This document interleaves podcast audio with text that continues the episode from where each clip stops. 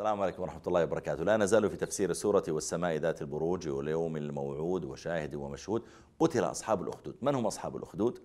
ذكرت لكم شيئا من قصة الغلام والساحر وأن الملك ملك من الملوك كان عنده ساحر يخبره عن إسرار الناس والملك يخبر الناس بها ويقول أنا ربكم عشان كذا أعرف يعني.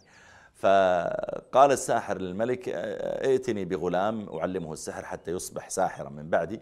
فجاء الملك بغلام وصار الغلام يتعلم تأثر الغلام براهب كان يتعبد مختفي عن الناس وتعلم الإيمان الصحيح ثم صار الغلام يعالج الناس فعالج وزيرا عند الملك كان أعمى وشفي وآمنه الوزير بالله.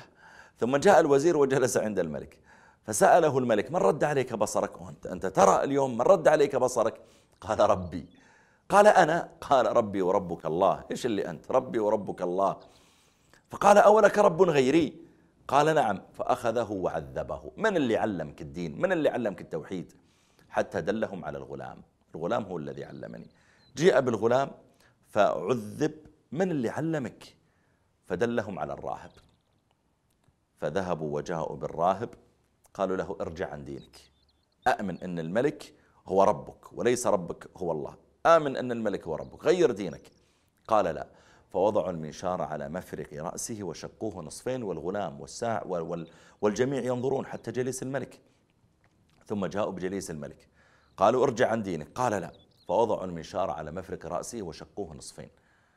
طيب بقي الغلام. فهذا الملك لم يشاء أن يقتل الغلام بهذه الطريقة. غلام صغير ويعني وقد أش يعني أشفى الله على يده كثيرا من الناس. فأرسله الملك مع مجموعة من عنده من الجنود. قال اذهبوا به في قرقور في سفينة. إذا توسطتم به في البحر ارموه في السفينة.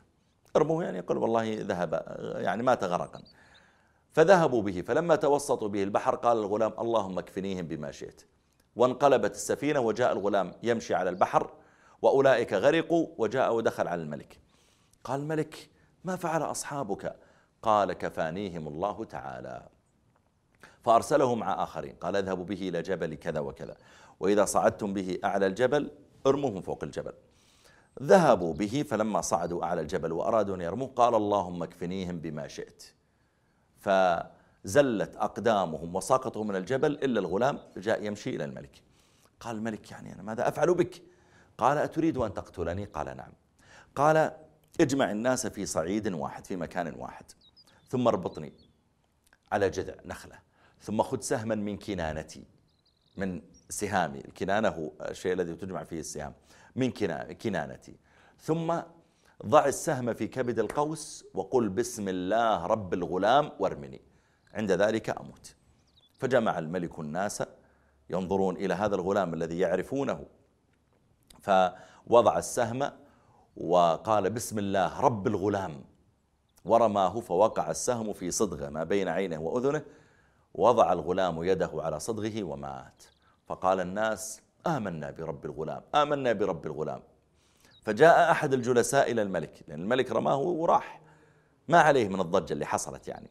فجاء أحد الجلساء قال غضبت يا أيها الملك أن آمن ثلاثة. فقد آمن الناس جميعا. أنت غضبت على ثلاثة. كل الناس آمنوا الآن.